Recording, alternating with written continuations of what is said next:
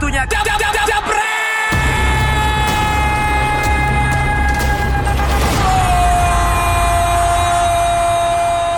Selamat malam dan selamat datang di Dewan Pandit Indonesia. Bagus, host atau pandit? Eh, disuruh jadi bandit Oh pandit. Kalau pandit biasanya kalau nggak ditanya nggak ngomong ya. Iya. Oh berarti kita cuekin aja ya. Jadi Cuekin kan aja opening dulu. hostnya dulu. Ada Mardel, Nesa dan Panji pastinya yang akan nemenin lo di hari ini Jebreters untuk ngobrolin apa pun soal sepak bola akus-akus mulai dari hasil Liga Champions sampai ini nih kabar gembira datang dari Indonesia yang akan menjadi tuan rumah Piala Dunia. Yeay.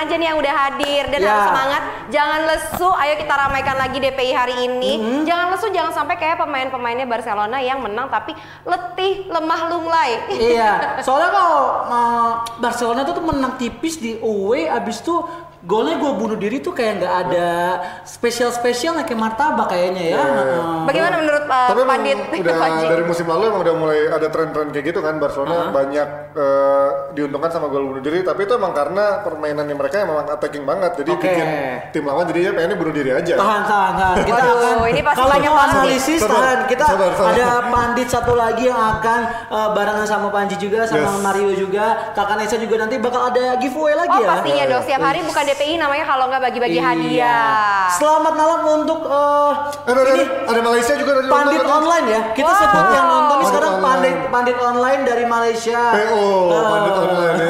PO. PO apa BO, Pak? BO. Oh, ah BO. BO apa? Saya BU BU BU. Enggak, kalau BU butuh oh. Butuh apa? Jangan, jangan.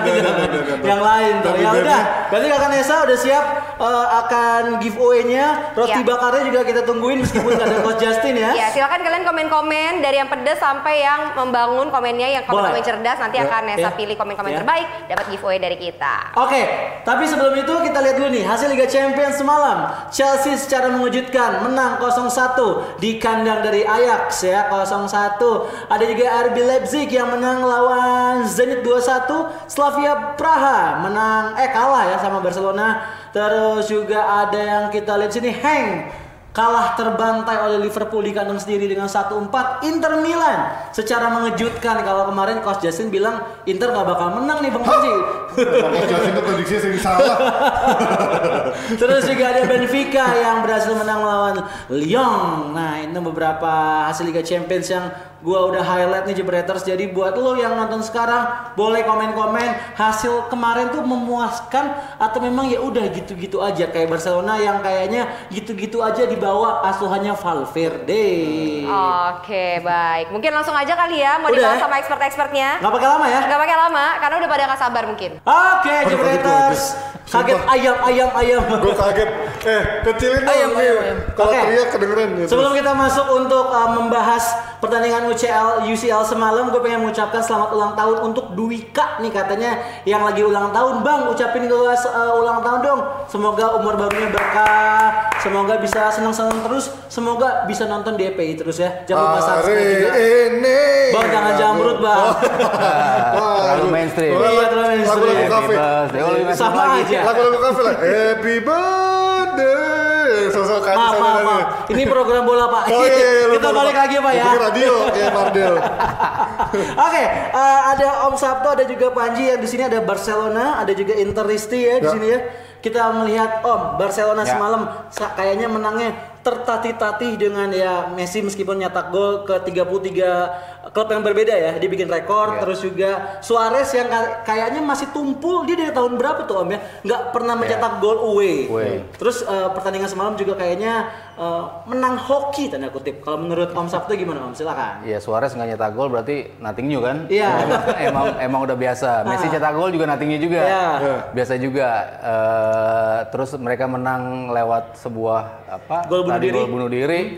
Berbau keberuntungan. Ya sering juga diamal- dialami oleh oleh Barcelona. Cuman yang paling paling apa layak untuk digarisbawahi ya Mm. dari pertandingan Barcelona, mereka belakangan ini ditambah Mm. kemarin menjadi justifikasi bahwa tim ini nggak lagi dominan tim ini Bukan lagi Barcelona yang kayak dulu-dulu bukan ya. lagi dia memainkan sepak bola yang bukan yang mereka inginkan gitu. Mereka Iya. menginginkan sebuah sebuah skema di mana mereka dominating dari sisi possession, Mhm. tapi dominating juga dari sisi menyerang. Itu kan Iya. eh, kemarin hampir hampir eh, kalah ya kalau kita bicara Iya. sisi ofensif dari dari Barcelona Barcelona itu sendiri. Cuman kalau kita lihat sebuah tim sebuah tim yang dinaungi Dewi Fortuna itu memang tim yang bisa di- bisa dibilang punya punya punya kans yang lebih besar untuk menjadi juara karena Iya. jarang juga kan tim yang selalu dinaungi apa keberuntungan ya Barcelona termasuk tim yang dinaungi keberuntungan juga di di Oke. musim ini. Dan kita akan menambahkan ini ada Coach Justin. Halo Coach. Halo.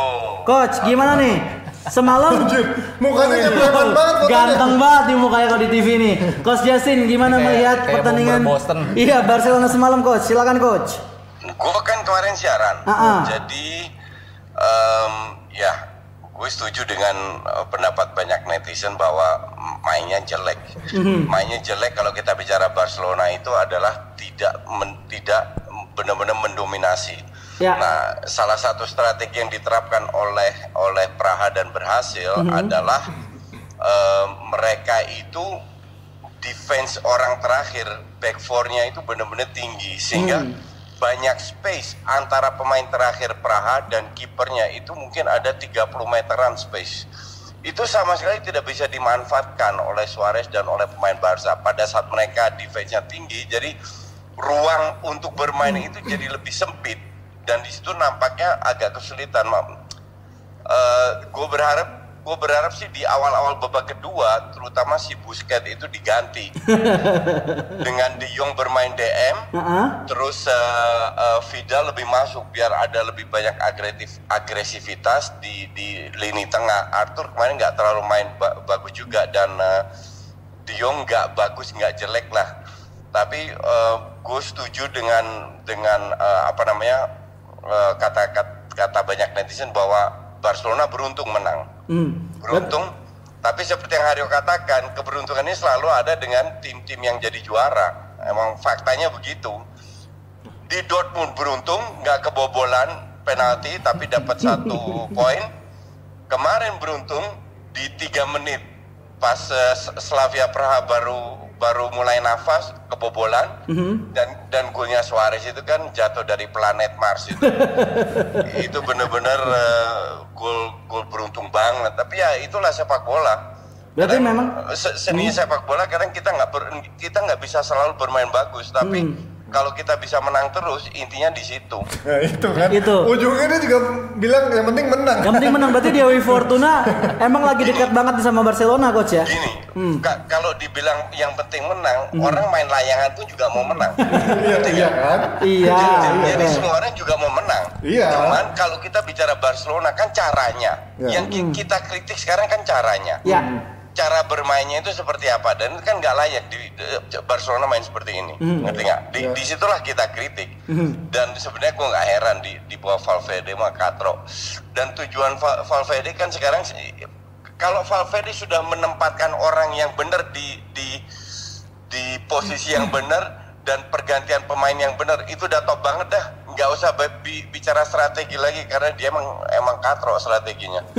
Jadi jadi eh, kemarin yang diturunkan itu bener- ke- kecuali Busquets ya, Iya. gue lebih prefer De Jong sebagai DM and Vidal sebagai ya di di sayap eh, di tengah kanan dan itu menjadi starting line up karena Busquets itu ya kita fair aja bukan karena gue benci dan lain-lain kita fair aja lah Mhm. Ber- tahun ini tuh nggak pernah dia main bagus dan tahun lalu sebenarnya nggak juga jarang banget akhirnya dia main bagus dan berapa Oke. kali pada saat dia diganti Mhm.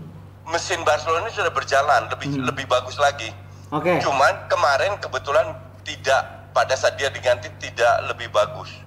Yang jelas nggak lebih jelek juga sih. Oke, oke coach sebentar ya coach ya. Ini kita tanya ke yang pro banget sama Buske di sini. Ada Om Sabto. Om, kalau menanggapi yang dikatakan oleh coach Justin, eh, Om Sabto ada tanggapan apa nih?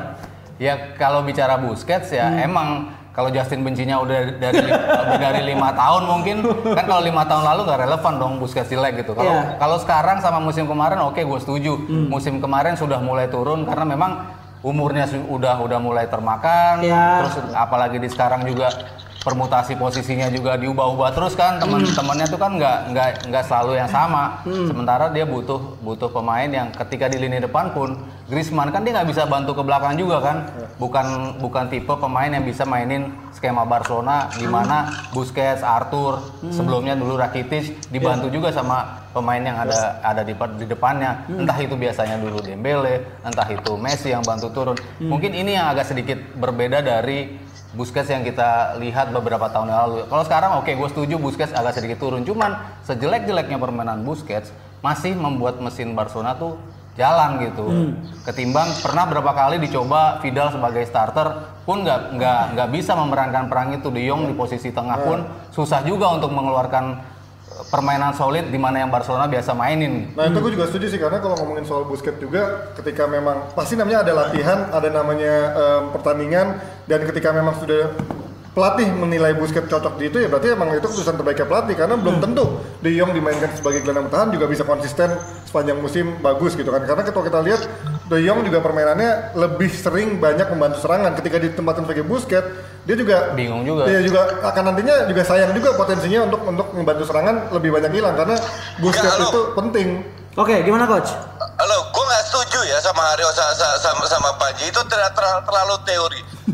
Busquets- Teori. si De Jong sudah membuktikan berkali-kali sebagai DM dan dia bagus. Kenapa dia bagus? Karena dia berani maju ke depan. Dia tahu posisi, dia tahu kapan dia bisa melakukan end passing sebagai DM. Kalau Haryo tadi bilang eh, se- sebenarnya dengan Busquets berjalan-jalan juga, iya memang berjalan, ya jelek. Tapi kalau De Jong sebagai DM bisa lebih bagus lagi. Bahwa Vidal sebagai starter tidak selalu bagus, gue setuju. Tapi at least, at least bisa dimanfaatkan entah itu Vidal kalau nggak bagus Rakitic bisa masuk atau Rakitic pun bisa jadi DM. At least ini orang udah harusnya dibuang udah dari berapa, berapa tahun. Nggak. Udah nggak. Kalau kalau DM kalau sekarang. kalau teman-temannya udah ngerasa nggak perlu ya udah pasti dibuang lah coach. Tapi kan ini teman-temannya masih ngerasa Ini- dia perlu. Ini exactly teman-temannya perlu karena sudah temenan da- da- dari kecil. Iya Udah? CS ya. Em- Udah emangnya main di RT kan kagak main berprestasi. Lu lihat deh sekarang dari semua tim besar, DM-nya, DM-nya ya, DM mereka di semua tim besar, you name it. Ya. Madrid lah, City lah, Liverpool lah, City, Munchen lah. City ada Rodri lah. loh, coach yang model-modelnya kayak Busquets doang loh, Rodri. Enggak, berapa, berapa DM yang dari klub besar itu, oke, berapa klub yang bisanya cuma bertahan kayak Busquets, cu- cu- cuman kiri kanan ke belakang. Nyaris end passing aja nggak ada. Itu berkali-kali, puluhan kali gue cek di heat map, gue punya punya stats yang yang yang menunjukkan heat map eh, apa namanya pemain di mana dia melakukan salah passing. Tiap kali bisa bilang Keren. 80% dari passing ke depan itu gagal. Ini fakta. Gue tidak bicara karena gue nggak suka Busquets. Fakta dan pernah berapa kali gue posting di Twitter. Lah memang, kan gua juga bilang ini tadi. katro, nggak bisa passing ke depan. Kalau kalau kalau lo mundur ke tahun 2008, dari dulu memang Busquets nggak bisa ngoper ke depan. Emang begitu peran Busquets di Barcelona. Karena di depannya Semakin panas sepertinya saudara. Terus Sekarang coach. kan nggak ada lagi. Iya. Ya. Lah, ya iya, tapi kan mereka tidak tidak punya tidak punya pemain yang mereka ingin menggantikan Xavi sama Iniesta kan berapa Betul, kali betul. nyoba pemain mana pun dicoba nggak pernah bisa untuk Mereka untuk tidak pernah membeli penggantinya Busquets. That's the point. Nggak, nggak gini coach. Kalau misalkan memang eh, Frankie De Jong ditaruh DM, apa iya sekarang Rakitic sama Arthur Vidal bisa bermain, eh, Arthur Vidal maupun Arthur bisa bermain konsisten untuk membantu penyerangan? Kan nggak juga selama ini. Ujung-ujungnya harus dirotasi juga. Gue setuju. That, that's that's the point untuk klub besar Panji. Iya iya. Ya, Mereka punya lapis dua yang memadai. Jadi dah. pada saat mereka tidak konsisten tinggal diganti, tapi put the right man on the right place. Ini yang selalu masalah jadi de- deng- dengan Va- Valverde. Berapa kali ada beberapa kali Busquets tidak main. Emang Barca kalah? Emang main jelek? Enggak.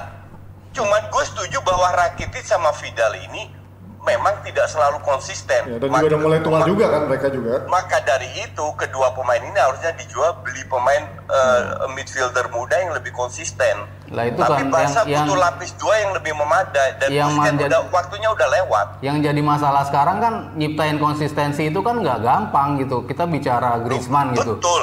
Griezmann kan Betul. kalau kita bicara teruji, udah teruji banget kan di di La Liga, tapi Ya. butuh adaptasi lebih dari 10 game gitu untuk dia bisa akhirnya Betul. nyetel dengan Messi. Kan butuh waktu. Sementara Barcelona Iya. kan nggak punya waktu. Enggak, enggak, bukan. Lu sekarang lu nggak usah bahas Griezmann dan lain-lain. Kita bahas oh hanya Busquets. Busquets itu udah terlalu Hmm. Always sering Busquets, menjadi oke. starter dan bermainnya buruk. Bukan kan tadi lu bilang nyoba posisi Vidal, nyoba posisi Rakitic. bukan, bukan.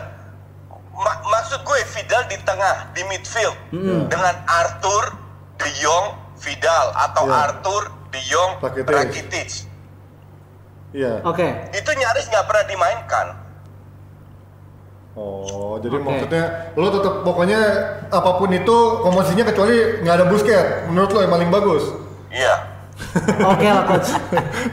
Coach Jason harus jadi pelatih Barcelona. memasukkan pemain sinetron yang main sebagai pemain bola cemen cupu Cupu. disenggol dikit udah kayak ditusuk ke 12 kali aja loh Oke. Gua suka pemain-pemain kayak gitu Ini kan kalau Coach Justin emang memang meng-highlight soal Valverde pelatih kardusnya Barcelona. Terus juga- juga ada Sergio Busquets yang katanya pemain sinetron. Nah, kira-kira siapa lagi nih coach yang menurut Coach Justin yang menjadi eh, apa ya? Faktor-faktor lemah Barcelona musim ini selain dua nama itu, mungkin coach punya nama lain? Pique Pique. Kenapa Pique coach? Pique untuk gue sudah habis waktunya ma- masanya udah lewat Hmm. udah nggak nggak udah udah harus diganti udah tidak bisa ngikutin eh, sepak bola modern yang butuh center back bisa bangun serangan yang bisa bu- bu- butuh center back untuk ke yang, yang punya speed lah Pique udah lewat masanya Justru Pique itu mungkin bukan bukan lagi kalau dari sisi kualitas dia udah mulai mungkin setara sama sama Lengle gitu bang. Bahkan Lengle mul- mulai lebih bagus mainnya dari Pique. Iya. Cuma kan Barcelona kan butuh leader itu yang nggak dipunya dari sekarang dan sosok Pique itu masih dibutuhin Barcelona. Oke, kalau menurut Panji, juga- setuju gak dengan Coach Justin kalau dibilang Pique itu jadi titik lemah? Kalau menurut gue sih masih belum ya, karena sejauh ini Pique masih masih cukup konsisten dan dari segi ketenangan maupun leadership nggak ada di sisi belakang. Karena Lengle pun kelihatan masih shaky kadang-kadang ketika bermain di partai-partai penting. Jadi menurut gue Pique dari segi permainan kualitas juga masih bisa mengikuti gaya mainan Barcelona sih. Oke. Nah, tapi kalau ngomongin soal kepem- kepemimpinan nih, Om Sabto, Hmm. kalau di di Barca kan masih ada Messi dan Pique tuh perannya bisa jadi apa dong kalau ngomongin Di lini soal belakang maksudnya kepemimpinan kan juga ke- penting lini iya, belakang. Kepemimpinannya. Iya maksudnya Ah. kan kalau dulu kan juga ada Messi ada Puyol juga. Puyol. Iya. Maksudnya sisi yang dimiliki Puyol itu half half lebih lah dari setengahnya itu ada di diri Hmm. Pique gitu dan dia juga direspekin sama teman-temannya, direspekin Hmm. sama lawan. Itu kan penting kehadiran seorang pemain apalagi Enggak, defender. betul. Mhm. So- so- sosok leader betul, tapi lu harus realistis juga. Lu cek deh mulai dari tahun lalu. Berapa kali Pique bikin blunder? Hmm. Berapa kali dia kalah speed? Masanya itu udah lewat. Kalau lu butuh leader, gue setuju. Tapi kan bisa bisa Messi, bisa Suarez, wh- whoever lah. Dan dan dan Barca ini sudah masanya untuk meregenerasi. Jangan sampai kayak Madrid ancur-ancuran baru mereka regenerasi, udah telat. Itu. Oke. Berarti kan eh, Inter sendiri eh sorry, Barca pun sepertinya memang udah mulai kehilangan tajinya nih untuk beberapa match di musim ini seperti Madrid kalau bil- dibilang sama Coach Iya Justin. betul, Iya. betul. Bukan taji sih, domin, dominasinya sih kalau gue bilang yang terlihat banget turun dari Barcelona tuh the way they dominate the game itu tuh Ah. yang itu yang hilang dari Barcelona.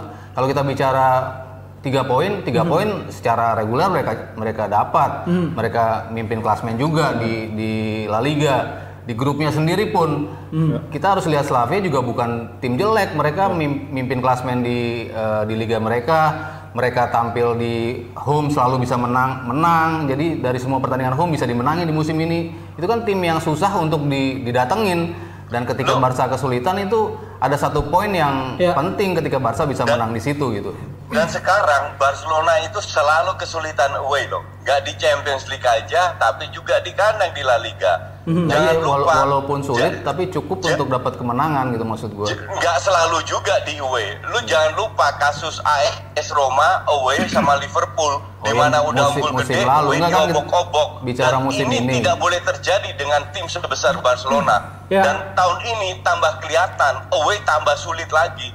Kebetulan dua dua kali lawan Hetafe sama Eibar menang.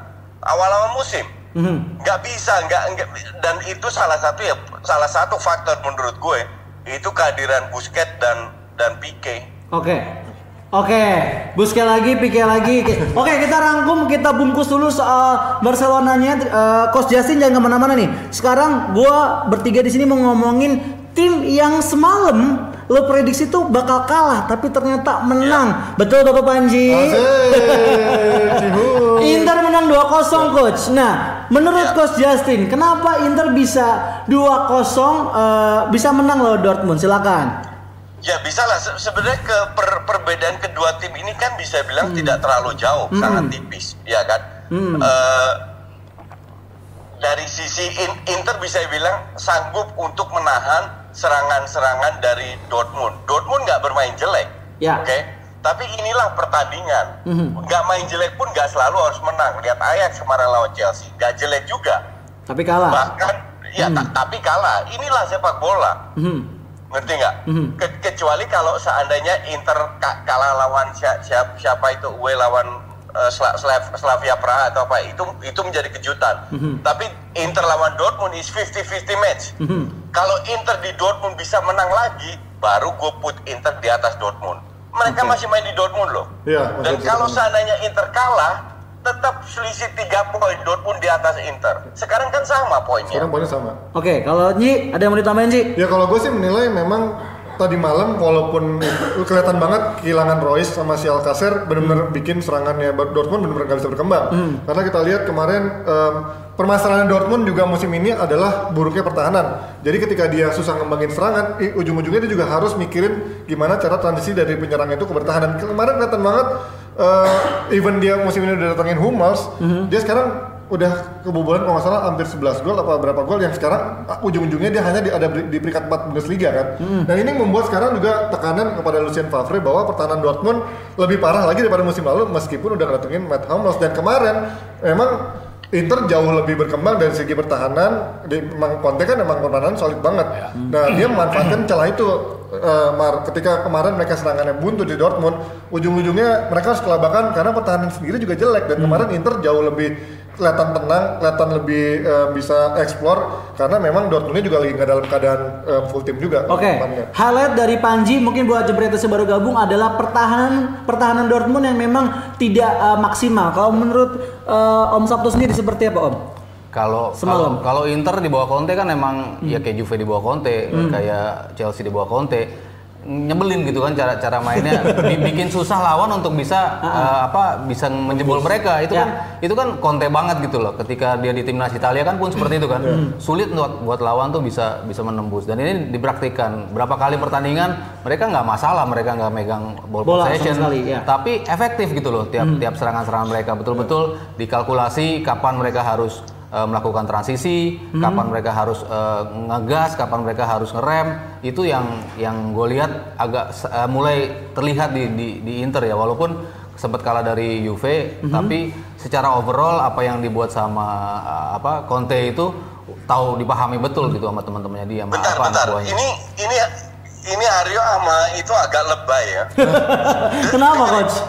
Mereka itu Inter itu kuat di kandang. Co- Hmm. Coba kita lihat tiga match sudah terjalan. Inter baru menang sekali kemarin loh. Iya. Di Barca kalah, Di di, Sla- Slavia Praha Seri. seri. Iya. Jadi nggak sehebat itu away. Loh, Mereka iya. hebatnya Iya, di kan nggak kandang. ngomongin main kandang sama tandang, coach. Ini ngomongin permainan tadi malam. Karena kalau kita ngeliat Dortmund kemarin emang secara permainan jelek kalau Ka- gue lihat. Kalau mereka ja- jadi kalau lu dibilang pertahanan Inter hebat enggak juga. Loh, iya. Ngerti nggak? Loh, Ini loh. karena murni mereka bermain di kandang Loh, sendiri kemarin- didukung kem- oleh kemarin- puluhan ribu supporternya. Kemarin di Makanya Barcelona, lo lihat sendiri kan di Barcelona pun even Barcelona dominan juga susah susah juga kan ngejebol cuma skornya 2-1. Iya, Gitu kan- waktu-waktu kan- terakhir it- akhirnya. Enggak, skor 2 saat itu karena Inter lebih beruntung. Loh. Barcelona dapat ba- banyak ba- Ya. banyak peluang loh. Ya enggak ya peluang banyak tapi kan yang diomongin adalah Inter susah dijebol di bawah Conte coach. Bahkan Oh iya, kemarin betul. Dortmund dua peluangnya Dortmund kemarin hampir nggak ada loh, cuma ada dua Iya, shots oh, shots shot. oh, Yang dua shots satu. cuma satu. Oke. Kalau kemarin gue setuju Ya, iya. karena Inter main di kandang sendiri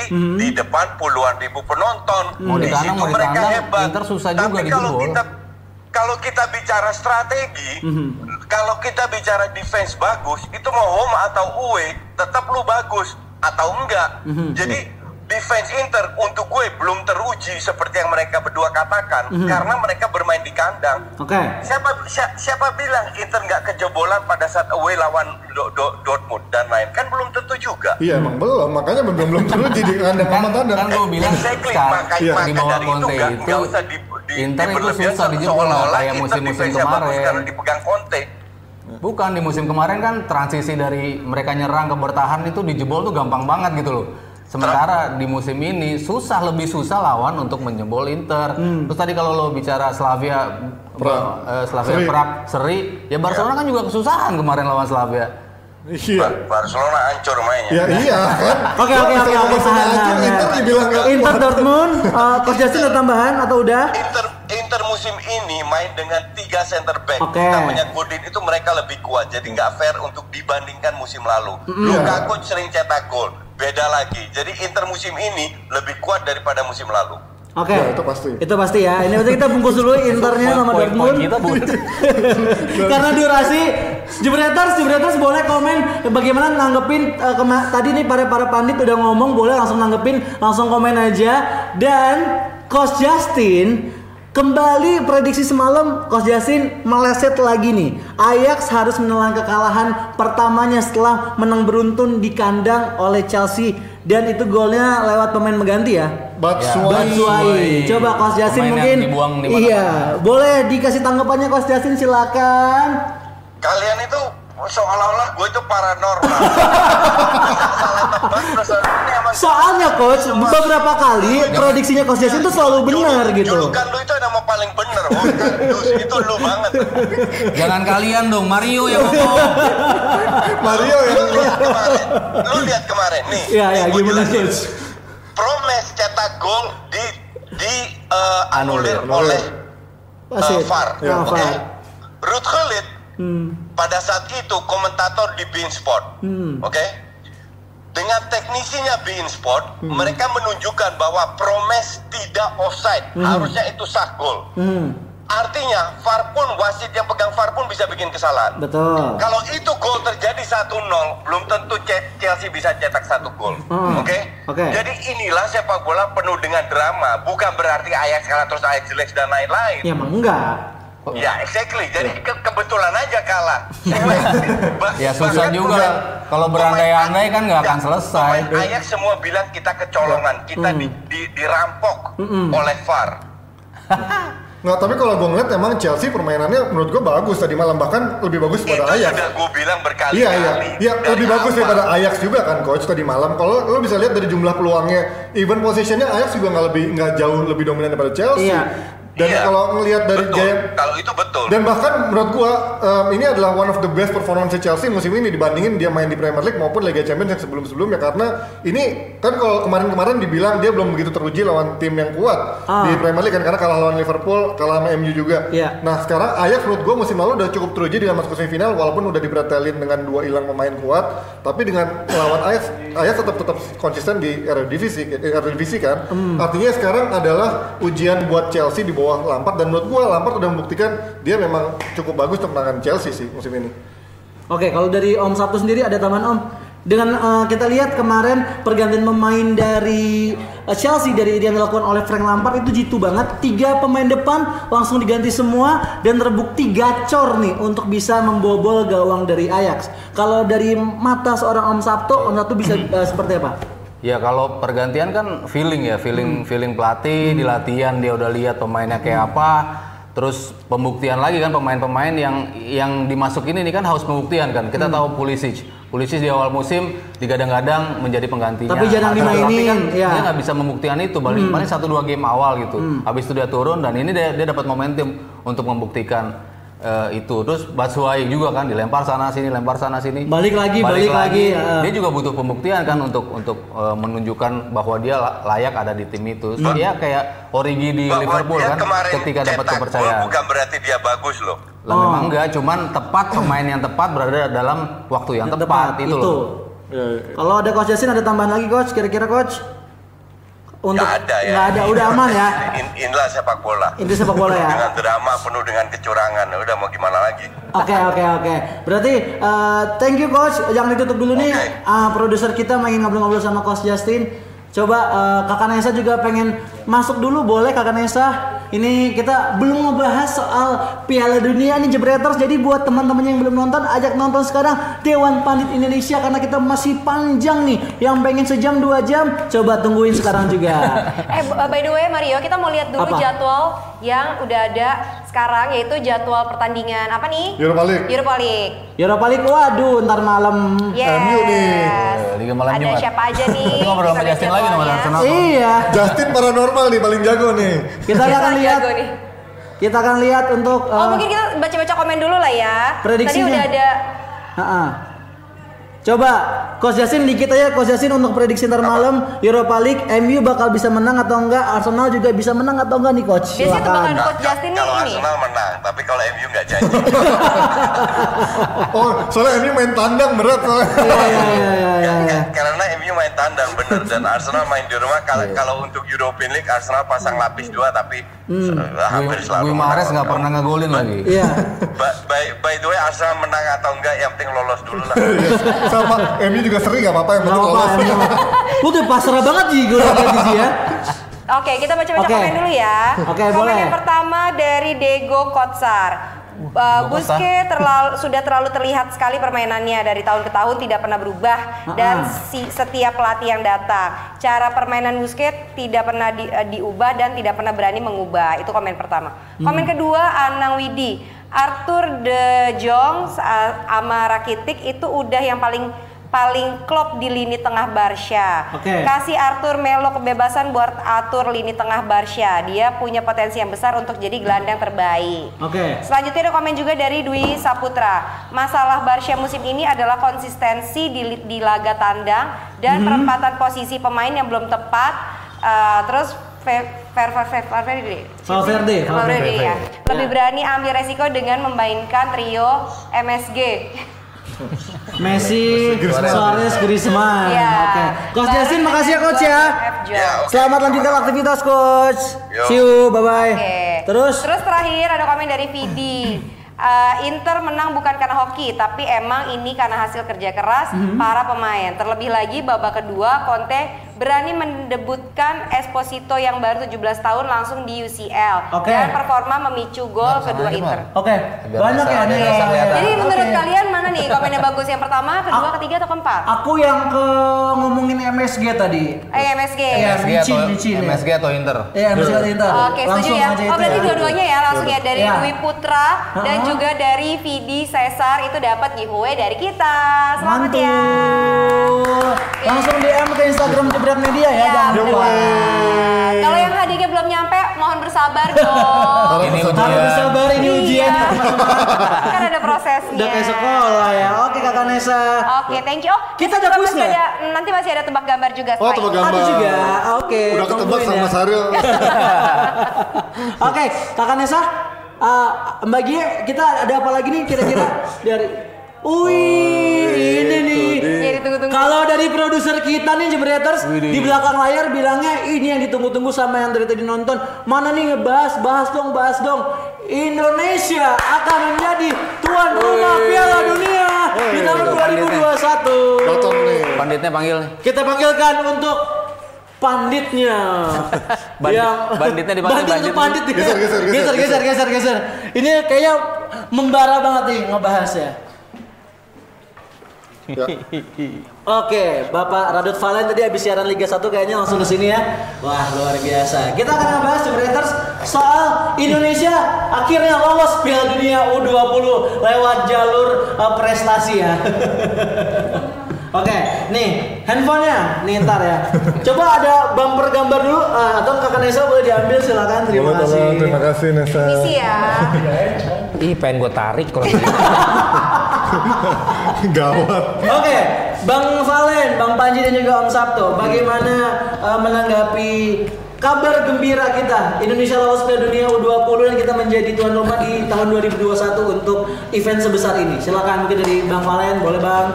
Iya kalau apresiasi harus diapresiasi lah. Betul. Karena apa pun itu proses lobby ini kan dan ternyata kita berhasil meyakinkan. Katanya kan menyingkirkan Brazil dan Peru. Peru. Dan Brunei apa Brasil? Peru, Peru Brazil.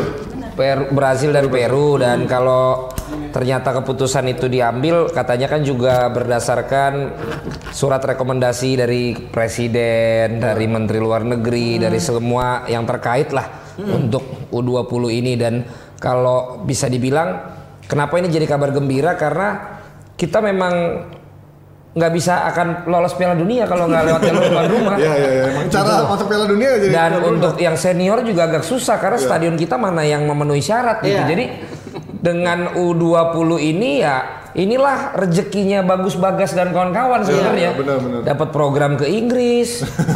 ya kan? Dari iya. Garuda Select Garuda terus kemudian dapat kesempatan ini itu dan sekarang mereka akan main di Piala Dunia. Itu. Gitu. Jadi ya pertama harus diapresiasi ya yang kedua tentu tetap harus diingat ini U20. Ya, gitu secara bisnis mungkin Indonesia bisa meyakinkan bahwa penonton di sini U20-nya Masih- bisa lebih banyak masih lebih dari banyak negara lain. Sini. karena kalau di Brasil sama Peru mereka menunggu timnas senior Ya, untuk main di Piala Beda sama di Indonesia untuk ya? main di Piala Dunia seniornya gitu. Dan Indonesia karena harapannya udah mulai pupus di yang senior U20 aja Piala Dunia gua jamin nih penuh dah Rame ya pasti ya. pasti rame penonton gue yakin Ada sponsor beberapa- juga banyak Beberapa stadion ada 10 nih Bang ya kalau gue baca di sini udah pasti di Jakarta Stadion Utama Gelora Bung Karno.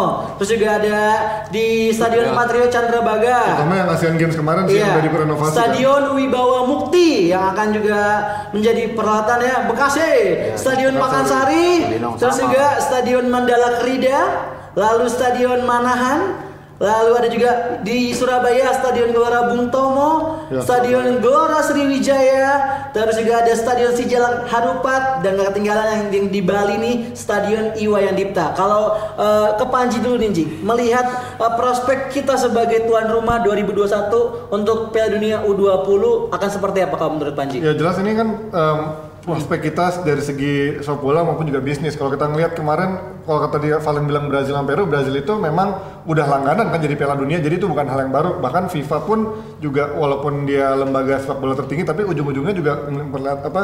dan perhatikan- dikhawatirkan gak ada yang nonton Iya ya dan memperhatikan- 20-nya Iya, main makanya memperhatikan sisi komersilnya juga karena Iya. kan bangsa pasar Asia, bangsa pasar Indonesia itu ngeliat U20 lebih hebat yang dulu U19 jebret jebret jebret itu kan itu kita lebih gila akan dahaga eh prestasinya. ini U9 U20 ini gue bawain juara juga Iya, U19. iya yang dulu kan yang Berarti yang, nanti yang, buat yang, 16. Iya. Varius ini kan. Iya. Iya, iya makanya. Ji, bentar Ji. Berarti 2021 harus lu ya komentatornya biar kita juara. Oh enggak, gue lagi ngincer yang lain. Oh, iya. gue udah mikirin juga. gue harus dipakai influencer sama FIFA gue. Oh, siap. Iya, kalau sama Ratu Tisa gue enggak. Sebut nama. ya enggak, karena Ratu Tisa hoki banget ini. Iya kan? Saat Menpora ditunjuk, terus ada kode untuk perhatikan sepak bolanya. Ratu Tisa datang dari Shanghai dengan Pak Menpora, saya berhasil meyakinkan Asik. Indonesia sebagai tuan Langsung rumah. dijemput di bandara. Biar langsung dijemput. Tisa ini pahlawan hari ini. Tapi apakah dia betul-betul pahlawan? Tanya aja sama Najwa Shihab. biar dijawab Jadi aja, panjang biar ya. dijawab aja sama Nana. Iya ya. iya iya. Oke, tadi dari Panji udah dari Bang Valin juga udah. Bang Panji ada tambahan lagi? Saya sama ini prospeknya kan kalau kita ngeliat ya Nesa makan pisang udah kayak lagi makan apa ya? Salah fokus, mohon maaf. ya ini jadi pelajaran buat kita banget karena sebelum kita terpilih ini kan kemarin ada kasus keributan juga di Yogyakarta dan berapa ada ada kasus-kasus keributan juga di Liga 2 maupun Liga 1 juga yang menurut gua harusnya ini harus ditiadakan dulu harus jadi semangat kita bareng-bareng untuk menuju Piala Dunia U20 mendatang karena nggak cuman nggak cuman supporternya karena kita juga ada infrastruktur yang harus dijaga ada sisi komersialisasinya yang juga harus menjaga nama baik Indonesia nantinya kalau ujung-ujungnya ribut lagi segala macam ya ujung-ujungnya kita akan memalukan nama bangsa Indonesia doang sih ujungnya Oke, Panji terima kasih. Lanjut ke Om Sabtu Iya. gimana Om? Kalau untuk event sk- skala Piala Dunia ya, kayaknya Hmm. kayaknya apa yang kita lihat di Asian Games kemarin akan jadi jadi barometer gitu kan. Ya. Apa semua dari dari sisi keamanan, dari sisi penyelenggaraan semuanya super lah kita kalau urusannya emang level Asia sama level level Piala Dunia. Cuman eh, kalau bicara penonton gue mungkin gak ragu untuk partai Indonesia gitu. Ya. Cuman partai-partai non Indonesia itu yang harus menjadi PR dari Indonesia untuk Takutnya sepi ya. Ada Eli Sugigi. oh iya Penonton bayaran ya. kehebatan Indonesia tuh ada penonton bayaran ya cuman eh, ah. Nonton bola kok cuci cuci jemur jemur ya. ya uh, Orang Shopee aja ada cheerleader. Di lapangan. kalau kan kita kan juga kemarin apa Asian Games. Asian Games hype-nya kan juga semua partai yang Indonesia Iya. kan. yang bukan Indonesia. Tapi paling nggak satu bahkan- ada yo, paling nggak satu ada. Apa? Negara lain mungkin nggak bisa meyakinkan. Apa tuh? Tuan rumahnya main aja belum tentu Rame. Rame. Rame. Indonesia udah bisa meyakinkan minimal pas Indonesia main Rame. rame. Dan iklan pasti membuat host paling ngomong 20 detik. iklan semua host Indonesia. Menang banyak hostnya. Ya, jadi apresiasi lah sama tetangga gue di Bintaro lah, Ra- Ratu Tisa. Angkat terus, angkat terus. Tadi kan nggak gua angkat, Oh, iya sekarang benar. gua angkat dong. Oh iya benar benar. Tetap diapresiasi. Apresiasi betul. Nah kalau ngomongin soal euforia nih, euforia yang pasti udah ada dari sekarang untuk sampai tahun 2021. Tapi kita ngomongin prestasi kalau sampai nanti amit-amit jangan sampai Indonesia itu cuma sampai eh, penyisian grup doang. Ini apa yang harus pengembira doang tanda kutip. Pak. Kita tuh harus gimana kira-kira kalau menurut Kalau ini? 20 menurut gua nggak pengembira lah. Hmm. Gua tahu nih anak-anak yang si grup angkatannya ini lumayan bagus Ah. dan kita belajar dari tim junior kita kan sebenarnya bisa me- bisa berprestasi atau bisa menyeimbangkan dengan negara lain. Ya. Pas sudah gedenya itu loh yang Yang ada- kadang-kadang suka beda kenapa gitu ya. Salah arah gitu loh. Nah, jadi U20 masih nah tapi menjaga dua tahun dua tahun lagi ya? Dua tahun lagi. Eh, tiga- 2021 kan? menjaga dua tahun lagi supaya ini mereka tetap Dua- dua tetap menginjak bumi, Hmm, tetap nggak pecicilan, tetap nggak jadi songong, Nggak star syndrome. nggak star syndrome itu itu- yang sebenarnya perlu dijaga. Tapi itu harus harus dilihat dari semua negara juga Len. Soalnya kita bicara U17 U20, mungkin berapa tahun yang lalu emang belum menjadi bintang pemain-pemain di umur segitu gitu ya. Tapi di seluruh dunia sekarang umur belasan pun udah 18, menjadi, 19. udah menjadi bintang. Jadi mem- mungkin levelnya akan sedikit lebih, lebih naik dari Iya. sisi dari sisi, sisi kebintangan, mungkin da- dari semua dan kalau kita lihat di Piala Dunia U20 yang eh, udah-udah terakhir tuh eh, di Malaysia kalau nggak salah yang di Asia tuh di ASEAN tuh tahun 96 gitu. Di Malaysia tahun 96. 96. Kita baru 2021. Ket- ketika mereka ngebangun Shah Alam ya stadion-stadion mereka yang eh, di luar Bukit Jalil ya sebelumnya tuh mereka ngebangun untuk Piala Dunia eh, U20 pada pada tahun 96 itu. Dulu Thierry Henry, Riquelme, pemain-pemain yang main di Sudah Mendaf, pemain-pemain yang menjadi bintang sesungguhnya gitu. Nah, itu harapannya kan Indonesia ketika tampil bisa menunjukkan performa seperti itu, moga-moga bisa. Oke. ya.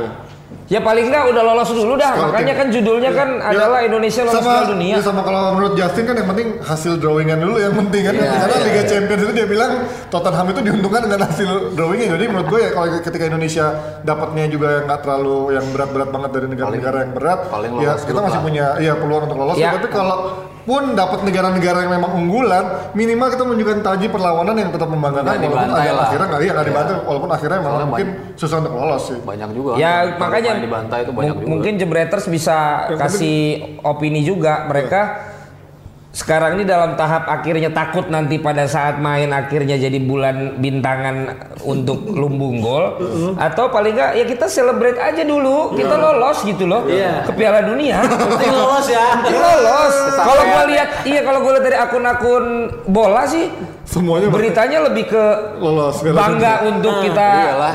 terpilih menjadi tuan rumah Oke, nih. Karena apa, Apa? coba? Apa? Karena akun-akun itu akan menjadi salah satu yang punya duit. Mereka pasti diminta untuk mengendorse. oh iya iya iya. Itu banyak nih ya. Si misalnya Minang Kocak juga bakal banyak tuh endorsean ya tapi kalau ngomongin soal Menpora baru nih abang-abang ya. Menpora baru nih eh, dapat hadiah. Kita lo- lolos jadi dan jadi tuan rumah U21 nih. Eh U20 nah menurut abang-abang sekalian ini menjadi hadiah atau malah jadi beban untuk Menpora? Sesignifikan apa peran dia untuk sampai nanti kita ke Piala Dunia dan dia katanya sih nggak bakal intervensi nih katanya. Cuman eh, kalau misalnya dia dapat peran juga dan mendapatkan eh, porsi khusus untuk nanti selama Piala Dunia, abang-abang ini melihat seperti apa sih peran Menpora yang baru? Ya kalau menurut gue sebenarnya beban dia justru nggak terlalu besar Hmm. ya karena ini adalah event besar kemarin kita membuktikan di Asian Games pun eh, udah cukup jadi tuan rumah yang cukup baik dan ketika ketika nanti jadi Hmm. Dan tuan- alumni-alumni Asian Games jadi menteri loh. Iya ya maka makanya Thohir, opening, Wisnu opening, Tama. opening iya kan opening closing Asian Games sih menteri Hmm. makanya menurut gue ini jadi tolak ukur kita juga ketika nanti jadi tuan rumah harusnya bisa lebih baik dan ketika sebenarnya PR Menpora itu kan yang dari Jo- eh, dari Presiden Jokowi ketika ditunjuk itu eh, apa waktu diumumin kan adalah kita ngelihat liganya sekarang, prestasinya sekarang juga kayak gimana, lebih ke timnas tim seniornya juga kayak gimana, emang pembibitannya mau kayak gimana. Tapi sekarang kan U20 ini udah membuktikan emang cukup yang dari dari U16 apa Farius ini cukup bagus dan ini Oke. punya potensi yang cukup baik untuk jadi Ada komen nanti. dari Tranmere. Iya. Wih, Hello. Mana Oh, bukan? Hello hello lu bukannya website. Oh bisa, Tamer, banyak nih yang komennya coba. Super White Army. Super White Army, luar biasa. Hello official Tranmer, hello from Indonesia. Thank you for watching us. Ya, Nesa boleh ada masuk ke oh ya, sini? Nesa mau bawain kuis. Permisi, Tebak-tebakan nih. boleh Ibu Guru masuk? Boleh. Ini ada Silakan. tebak-tebakan. Ini gambar pertama, ini gambar kedua, dan ini gambar Dia kalau ketiga. kacamata gini kayak yang populer gitu ya. apa tuh apa? Ini Dia yang majalah ya, populer. siapakah aku? Nanti tebakan yang tercepat dan tertepat berikut alasannya langsung dapat giveaway dari Nesa. Oke, ini eh, banyak banget yang komen bilangnya Apa? apa? Komen, Bilangnya? bilang komen meskipun nanti kita jadi tuan rumah Piala Dunia, please tiket jangan mahal-mahal. Tuh, disampaikan pesennya di sini Jebreters. Kalau kata gue sih Indonesia itu tiket pasti akan semahal-mahalnya. So, kenapa bang? Lah kan Biar balik modal. Piala Dunia bos, Iya, bener. dibayar pasti tetap. iya, iya. Justru Ah. harus seimbang. Ah. Indonesia mahal, tiket lain kalau bisa gratis. Jadi Indonesianya aja yang mahal. ya supaya rame Benar, semua. benar, benar, benar, benar, benar, benar.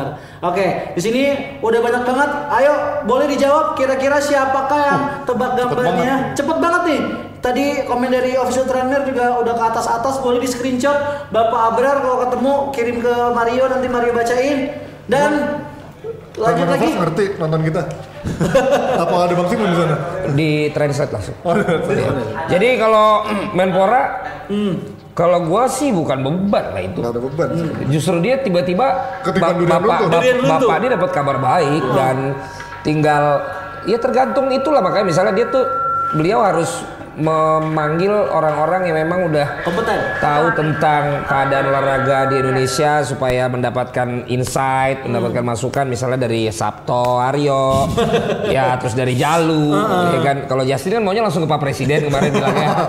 Dan oh, yang memang sudah mengetahui itu semua dan itu gue pengen lihat sih seperti apa kepedulian dan dan dan dalam waktu kalau Pak Jokowi kan bilang nggak ada 100 hari di Ya. dalam ke Ada, karena udah kabinet kedua kementerian yang menurut sekarang dia. karena kabinet kedua tapi tetap dalam beberapa waktu ke depan perlu kita lihat nih akselerasi apa yang bisa dilakukan Pak Menteri untuk olahraga Indonesia ini Iya. terutama sepak bola. Iya. gitu. Dengan adanya Piala Dunia ini ya Karena- positif. Rente- rentetannya sebetulnya kalau bicara, kalau, bicara beban rentetannya panjang juga kan karena 2000 apa SEA Games sebentar lagi. Lalu ketika habis SEA Games 2000 eh, 2020 Ya. Tokyo Olimpiade, lalu Piala Dunia. Jadi dalam dalam rentang yang segitu dengan event-event besar yang ada di depan mata, nah ini apa yang harus dia deliver tadi Valen bilang kan dia harus harus cepat membentuk tim berbicara dengan siapa aja dan kalau kita lihat mungkin sisi bukan sisi negatif ya maksudnya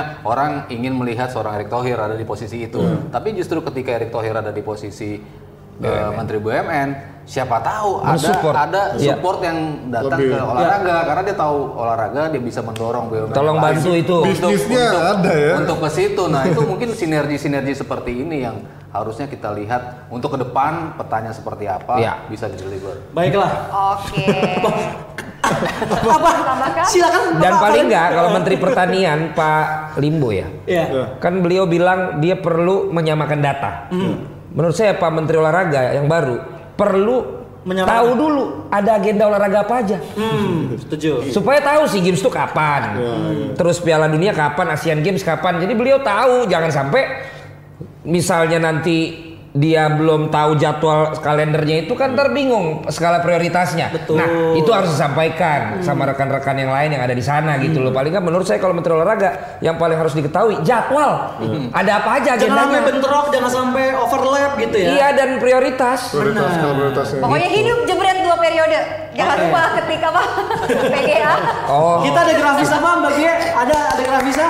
Ada grafis? Oke, jangan lupa ya, vote Bapak pakai Jangan lupa juga kita uh, vote Bapak Radot Valen untuk bisa kembali ya menjadi presenter favorit Ya, podcaster. nggak. Kalau pengen tahu caranya gimana langsung buka aja Instagram Bapak gimana? Radot Valen ya. Kirim SMS yang banyak ya. SMS 19E Iya. 99386 Wih, siap. Atau Biar back to video.com. back ya. atau blibli.com. Oke, siap. Ada tiga. Itu tadi ya. One vote one ID. Oke, Kakak Nesa, ini tadi terima kasih untuk Om Sabto sama Bang Panji sama. Bang Valen untuk tanggapannya mengenai kita yang akan bersiap-siap menjadi tuan rumah U20. Kakak Nesa boleh silakan. Oke, ini sekarang. Nesa udah punya pemenangnya tadi uh, tebak gambar. Itu adalah Harley Quinn nama akunnya. Waduh. Selamat ya. Kali ini mau mau ini kali mau Halloween ya ini namanya. Harley Oke, selamat ya. Eh buat kalian yang sudah mendapat Eh kamu coba angkat tangan deh, Res. Aku angkat tangan. Putih juga gak sih? Coba, coba. Oh putih juga ya. Sampai tangan-tangannya putih. Kalau untuk kalian yang mendapatkan giveaway-nya, udah nyampe di rumah, Pakai Nivea kalian Men juga. dong.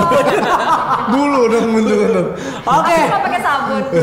Jangan lupa mention ya. Maksudnya kalau udah terima mention kan kalau belum terima ngomel-ngomel. Kok lama banget? Eh Nes, angkat lagi Nes. Masa naik pas lu angkat tangan? Dua-duanya, dua-duanya, dua-duanya, dua-duanya Nes. Coba, awas Pak Lauji. Awas Pak. Iya, iya, sambil goyang, sambil goyang, sambil goyang. Naik loh. Cepet. Gebrak. Jadi gak usah gebrak lagi nih mulai sekarang ya. Iya, mulai besok gini aja bawain acaranya.